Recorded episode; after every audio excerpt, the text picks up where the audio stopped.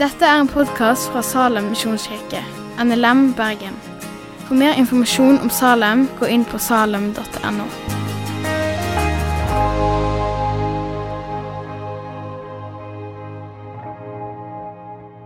Eh, Men vi leser dagens tekst er fra Markus kapittel 2, vers 23 til 28. En gang Jesus gikk langsmed kornåkrene på sabbaten, begynte disiplene å plukke aks der de gikk. Da sa fariseerne til han, Se der! Hvorfor gjør de det som ikke er tillatt på sabbaten? Han svarte, Har dere aldri lest hva David gjorde den gang han var i nød, og både han og mennene hans sulta? Han gikk inn i Guds hus den gang Abiatar var øverste prest, og åt skuebrøda som ingen andre enn prestene har lov til å ete. Han ga òg til de som var med han. Og Jesus sa til dem, sabbaten ble til for mennesket. Ikke mennesket for sabbaten. Derfor er menneskesønnen herre og over sabbaten. Slik lyder Herrens ord til oss i dag. La oss be. Herre, ditt ord er sannhet. Vi ber om at du ved og gjennom ditt ord kan hellige oss. Berør oss og kom med din Hellige Ånd. I ditt navn vi ber. Amen. I kapittel 1, som vi begynte forrige helg, som jeg ikke hadde her, denne finnes på podkast, så snakket vi om at Markusevangeliet begynner begynner med Jesus. Dette er evangeliet om Jesus Kristus i kapittel 1. Og så snakket jeg om at døperen Johannes kom som en slags sånn brøytebil. Jeg brukte begrepet eller bildet på kolonnekjøring, der brøytebilen baner vei, og så kommer bilene i etterfølgelse.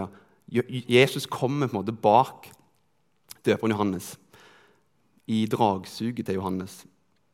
Og så så vi at Jesus han blir døpt av Johannes, blir frista av djevelen i ødemarken i 40 dager. Og Så kommer Jesus tilbake igjen til Galilea, og så forsynte han. Tiden er inne, sa han. Guds rike kommer nær. Og Så så vi på hvordan vi må vende om, og hvordan vi må tro på evangeliet. Det var Jesus sitt budskap. Det var det han begynte med i kapittel 1. I dag som i kapittel 2, og i dette kapittelet som Anders leder med, eh, så er det en del sånn kontroversielle temaer som er samla rundt Jesus. Fire ting. Jesus han tilgir synder, bare noe Gud kunne gjøre. Det likte ikke de skriftlærde. Jesus henger med syndere og tollere. Det likte ikke de skriftlærde. Det ser ut som at disiplene til Jesus ikke fasta. Det likte ikke de skriftlærde heller. Disiplene hentet inn mat på sabbaten, på hviledagen. Det likte heller ikke de skriftlærde. Og det er der vi skal være.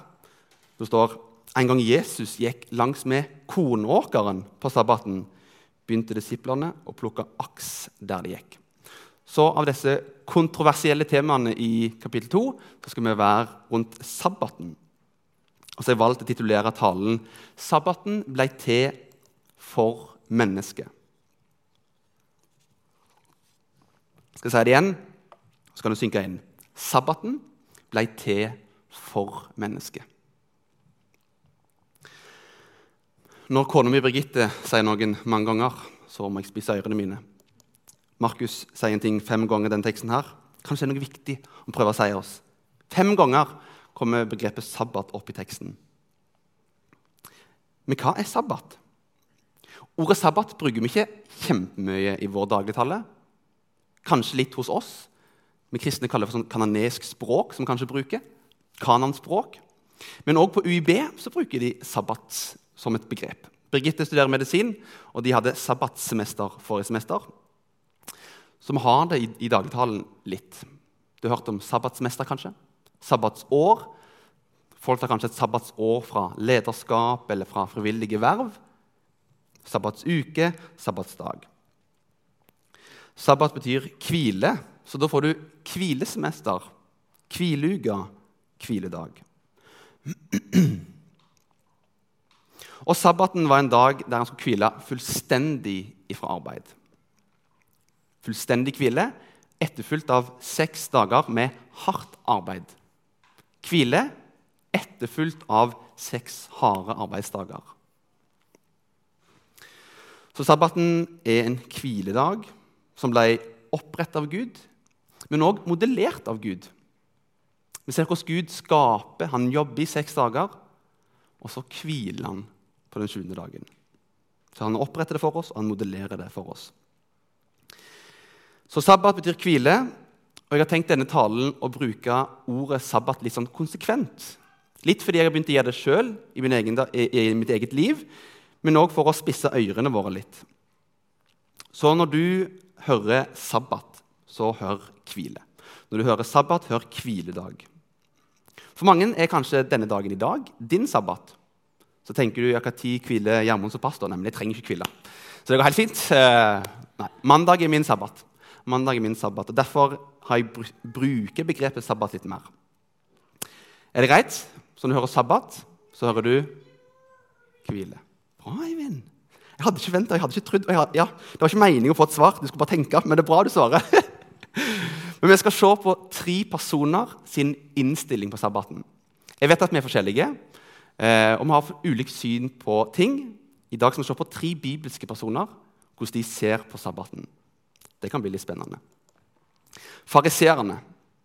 Vi skal se på hvordan de ser på sabbaten med et blikk om hva som ikke er lov. Vi skal se på kong David, hvordan han er opptatt av at sabbaten skal være for de rundt oss, for de rundt seg. Og til slutt skal vi se på Jesus. Han er vårt største forbilde i alt. Men han er opptatt av mennesket. Han er opptatt av meg og deg. Ja. La oss gå til fariserene, og så komme oss videre. Fariserene opptatt av det som ikke er tillatt. Da sa fariserene til han, Se der! Hvorfor gjør de det som ikke er tillatt på sabbaten? Det var visst rundt de ti bud, dette sabbatsbudet, som ikke lenger er et bud, men som var et bud. Det var visst 39 spesifikke aktiviteter som de hadde bygd rundt dette sabbatsbudet.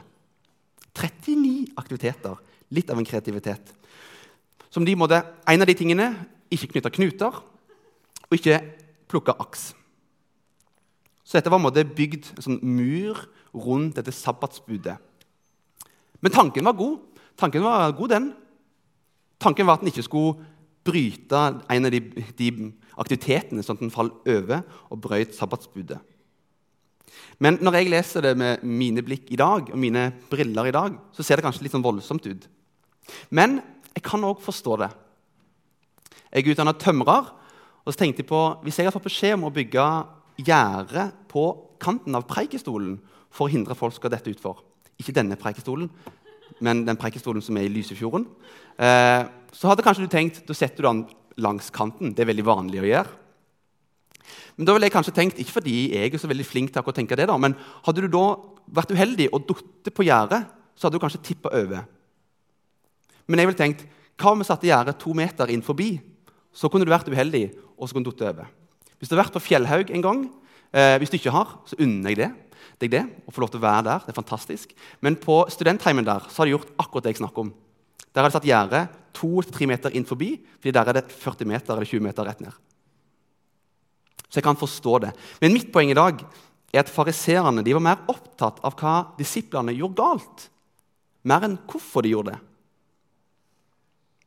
De var opptatt av at de jobba, ikke hvorfor de jobba. Disiplene hadde kanskje gått lenge uten mat, jobbet kanskje 24-7. En leser gjennom evangeliene at det virker som at det er skikkelig høyt tempo. Klart de ble sultne, de òg. Og så vet jeg ikke med deg, Her inne så er vi jo tre forskjellige generasjoner. Kanskje noen har litt forskjellig type syn på hviledagen. Det anerkjenner jeg, og det ser jeg.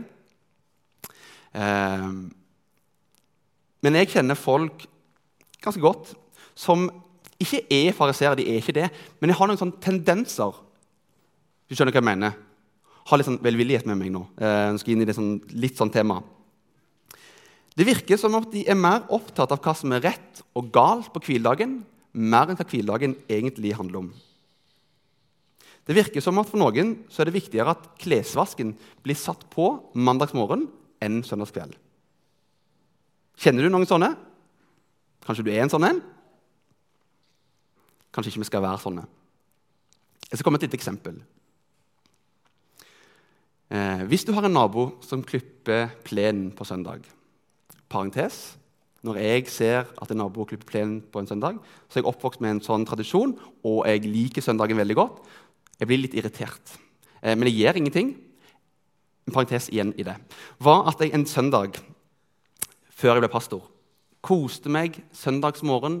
Birgitte var på dagvakt. Jeg stått opp eh, litt seint, koste meg med bok, kaffe i hånda. Vinduet åpent før det var glovarmt. Og så begynner naboen å sette opp stillas. Sånn stålstillas. Har dere hørt når folk setter opp stålstillas noen gang? Det bråker noe forferdelig. Og det var liksom to meter vekk fra vinduet mitt. Ah, gi meg åndens frykt, tålmodighet, Herre. Ah, det var forferdelig.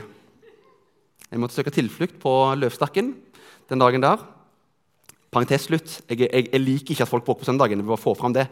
Men eksempelet mitt igjen. Naboen din klipper plenen på søndag. Denne personen er ei dame.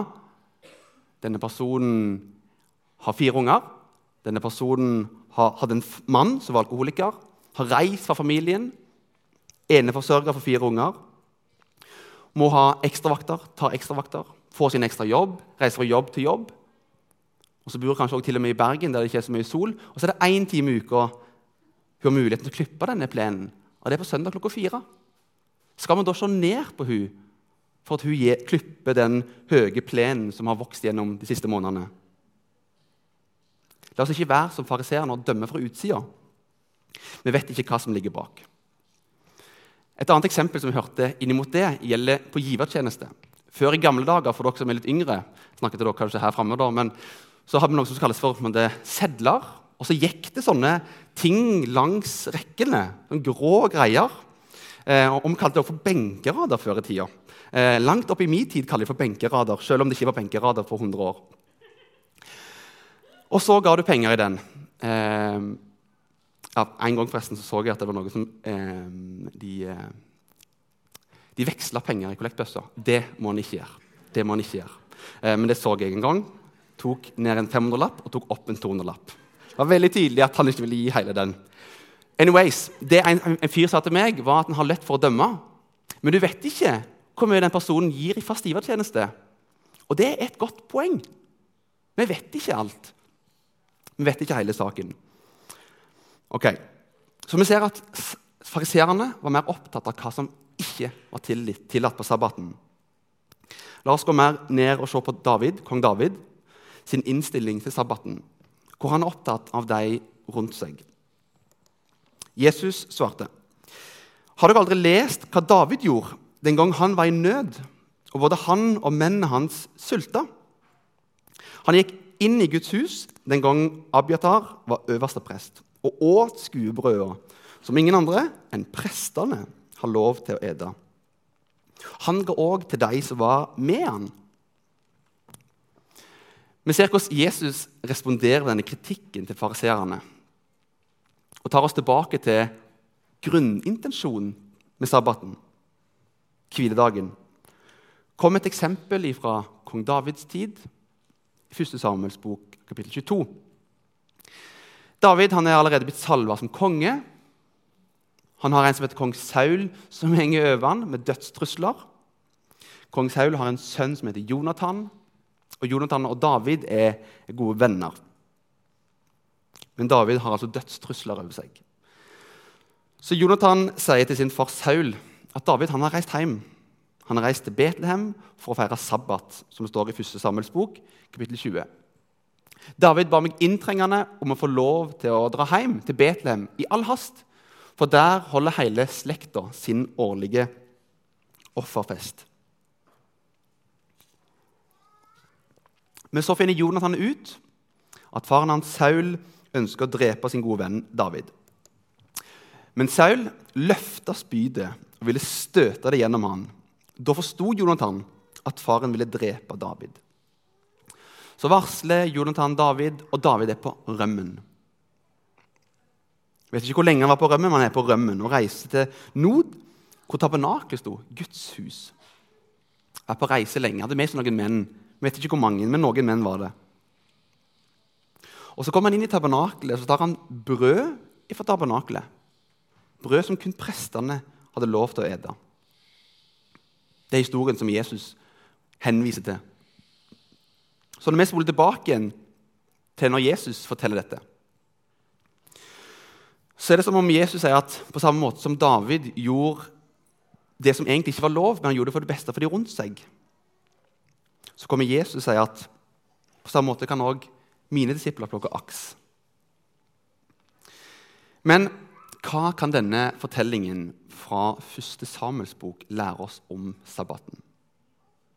Jo, fortellingen lærer oss et viktig aspekt med sabbaten. At vi skal elske hverandre.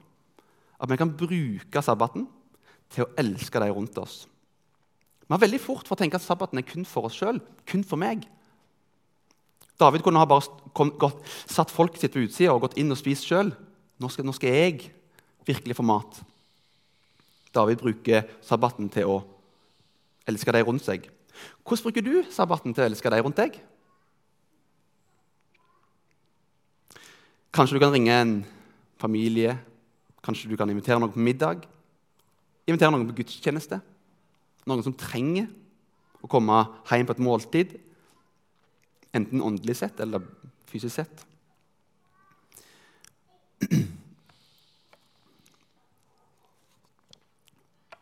Noen har hørt at jeg har snakket om ukeshandling og er lei av at jeg snakker om det. Um, men bare sånn helt sånn kjapt, en sånn personlig greie det. Først ukeshandla jeg på mandager, på min fridag. Lang historie kort, Jeg begynte liksom å fylle opp tingene som jeg skulle gjøre, til mandag. Og det var så greit. Seks dager med arbeid. Hadde ikke tid til å gjøre alle de tingene som jeg skulle rekke over. Men det er veldig greit å ha en dag fri, for da kan jeg gjøre alle de tingene. Jeg vasket badet på mandagen, jeg ukeshandla på mandagen, jeg malte på mandagen. Jeg gjorde all slags mulige greier på mandagen. Og Så begynte jeg å, så hørte jeg en lydbok om, om, eh, om, sabbat, og så begynte jeg å kjenne at min mandag er ikke min sabbat, min hviledag. Det måte blitt min lørdag, som jeg som er menighetsansatt. Så jeg måtte rydde litt. Og for dere som kjenner meg, så blir jeg litt sånn ekstrem. Det er liksom det enten-eller, så jeg skulle ikke gjøre noen ting. Jeg skulle nesten ikke snakke med Birgitte. Jeg skulle ikke ha noen ting med deg å gjøre. I dag har jeg fri, Birgitte. Vil ikke ha noen ting snakke om det. Og så begynte jeg å se at når jeg ikke ukeshandla, så begynte det å påvirke Birgitte. For en av mine få oppgaver i hjemmet er å holde kjøleskapet fullt av mat. Jeg burde hatt flere, jeg erkjenner det. Ehm, men jeg begynte å lage mer styr for Birgitte. Mer ekstraarbeid for Birgitte. Ja, jeg kunne handle på tirsdagen, men da er, den, da er jeg ofte lenge på jobb i Salem. Og så blir ikke kanskje kjøleskapet fylt for onsdags kveld. det blir for sent. Så Birgitte måtte på vei hjem fra lange dagvakter fra åtte til seks på Haraldsplass, så måtte hun innom og handle, og så lage middag. Jeg begynte å lage styr for hun. Og Så gikk jeg noen runder med meg sjøl og Gud og tenkte Kan hvis jeg hadde bare ukeshandla, ikke for min del, men for Birgitte sin del, på min sabbat og så kan det være du syns det er litt rart at jeg landa på det. Det er helt greit. Men for oss har det blitt en løsning som tjener vår husholdning, som tjener vår familie. Min neste. Birgitte hun er min første neste. Så det er òg et aspekt med sabbaten tenker jeg, at vi kan elske de rundt oss. Fariseerne opptatt av det som var galt på sabbaten. David opptatt av de rundt seg på sabbaten. Men la oss lande litt og se på Jesus, hvordan han forholder seg til sabbaten hvor han er opptatt av mennesket. David er også opptatt av mennesket, men Jesus er litt mer sånn direkte. Han sier Sabbaten ble til for mennesket. Ikke mennesket for sabbaten. Derfor er menneskesønnen herre og over sabbaten. Sabbaten ble til for mennesket. Han, er, han var og han er opptatt av mennesket. Han er opptatt av meg og deg. At vi skal ha det bra. Så han har gitt oss sabbaten som en gave. Han har gitt oss hvilen som en gave til oss. Vi trenger det. Og skal vi se på to bibelske typer hvile mot slutten nå. Det ene er fysisk hvile. Den første hvilen er den Jesus hjelper sine disipler til å erkjenne og lære i Markus 6, når han sier til dem i vers 31. Og han sa til dem, 'Kom til meg, til et øde sted hvor vi kan være alene, og hvil dere litt.' For det var så mange som kom og gikk, at de ikke fikk tid til å ete engang. Det handler om et sånn kroppslig behov. Ta pause fra strev, ta pause fra produktivitet. Puste ut, men òg å få en sånn forfriskning. Og så er jeg så glad i dere, og så er jeg så glad i å bli mer og mer kjent med dere. Jeg ser mer og mer at mange her har ganske aktive jobber som krever masse. Og det er fantastisk. Og jeg er så stolt av å ha folk som står i så mye bra. Og Når folk snakker om Salem, ja, der er det så mange leger og folk som gir mye. Og Jeg blir så stolt. Og så ser jeg òg at det, det, tar på, og det krever mye.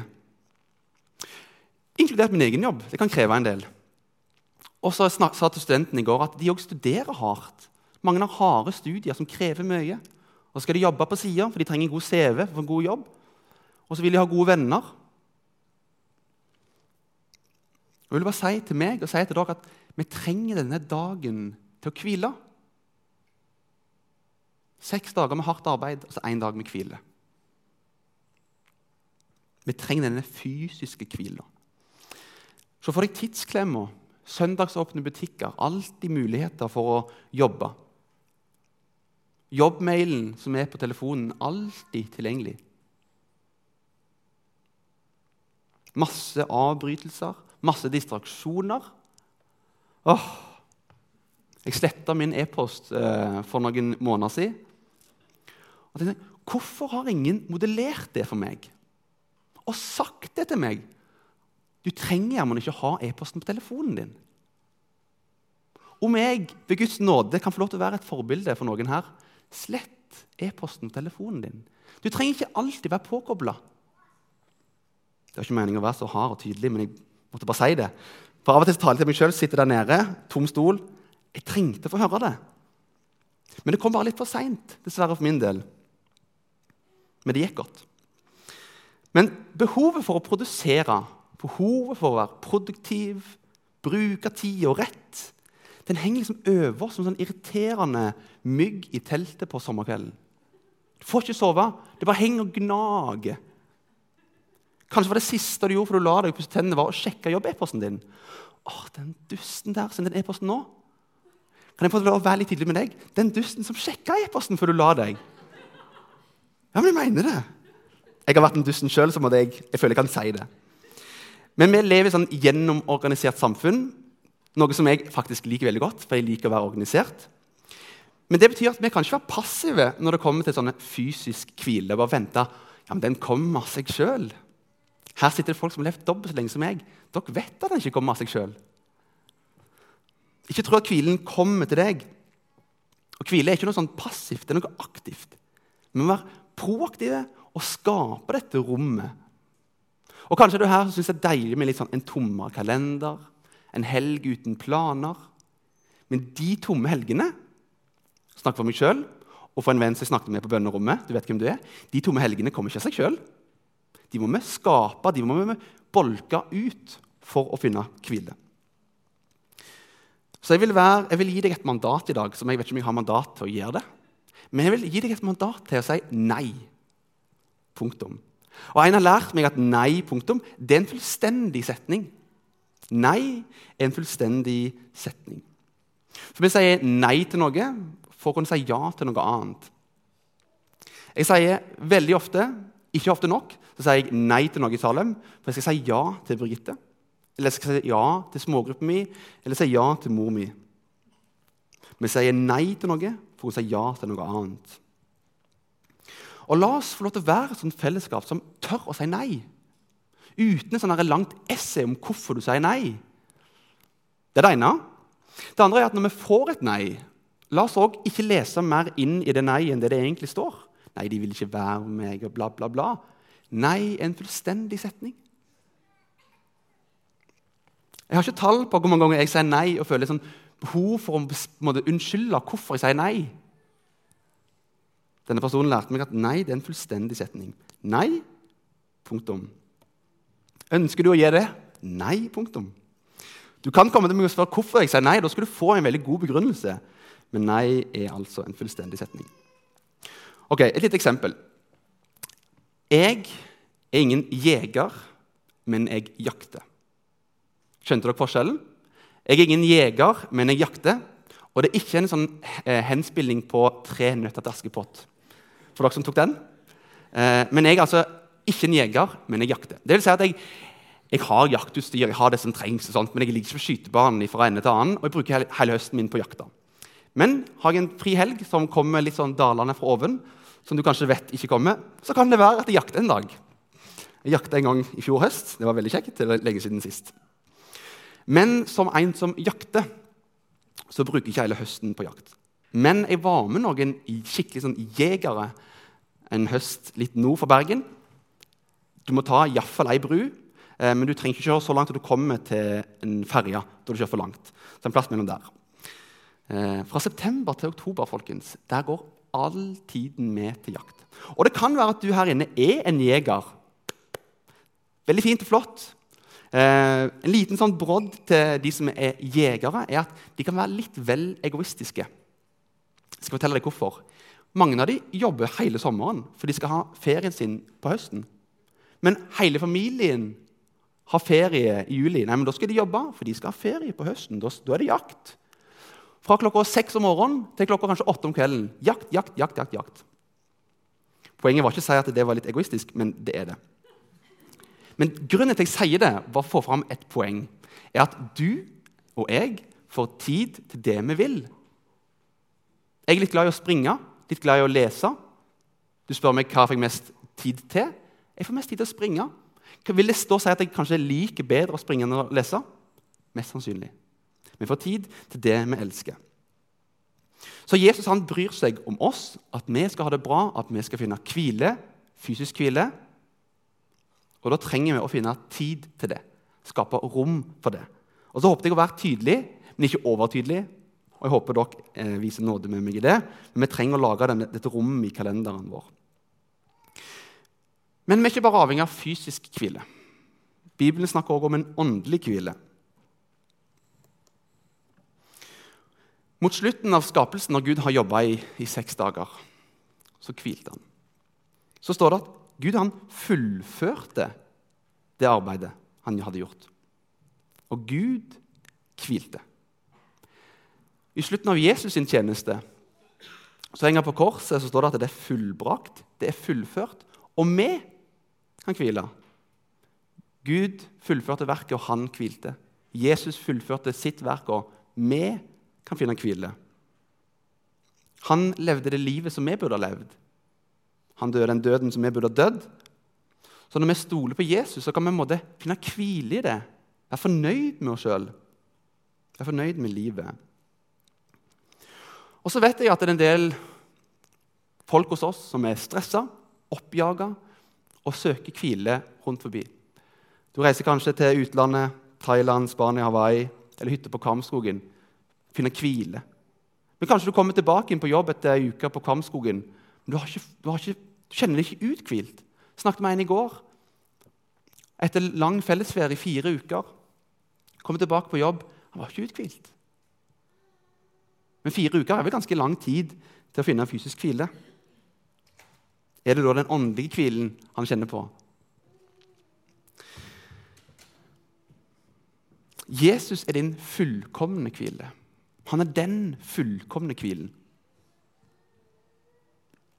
Det er fullbrakt, det er ferdig, og det kan du hvile i.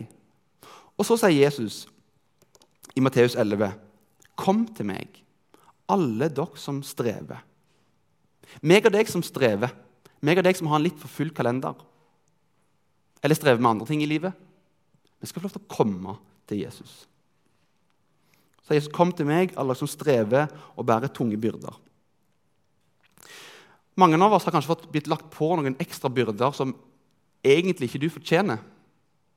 Enten har folk lagt det på skuldrene dine bevisst eller ubevisst. Jeg bare si at jeg vet hvordan du har det. Jesus sier, 'Kom til meg, alle som strever og bærer tunge byrder.' Og takk og lov at det er et komma, ikke et punktum der. Så Jesus, 'Jeg vil, jeg vil gi dere hvile'. Så for dere som kommer inn nå, oppsummert vi trenger hvile. Fysisk hvile, åndelig hvile. Denne fysiske hvilen tenker at vi kan være med og prøve å lage litt rom for sjøl. Men denne åndelige hvilen den er allerede blitt gjort for oss. Den er fullført. Og Så skal vi få lov til å komme til Han sånn som vi er.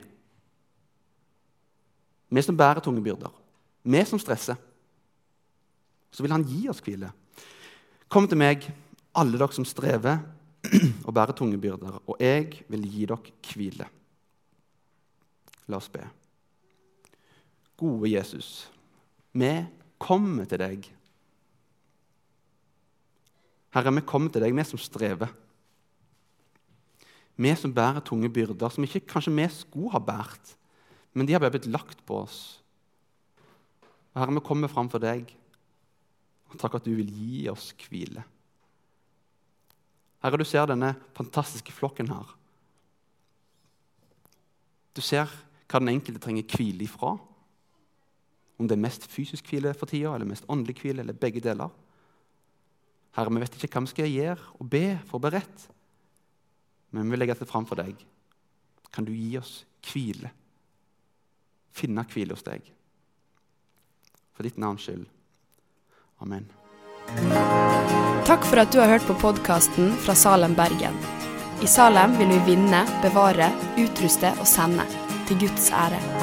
Vi ønsker å se mennesker finne fellesskap, møte Jesus og bli disippelgjort her i Bergen og i resten av verden.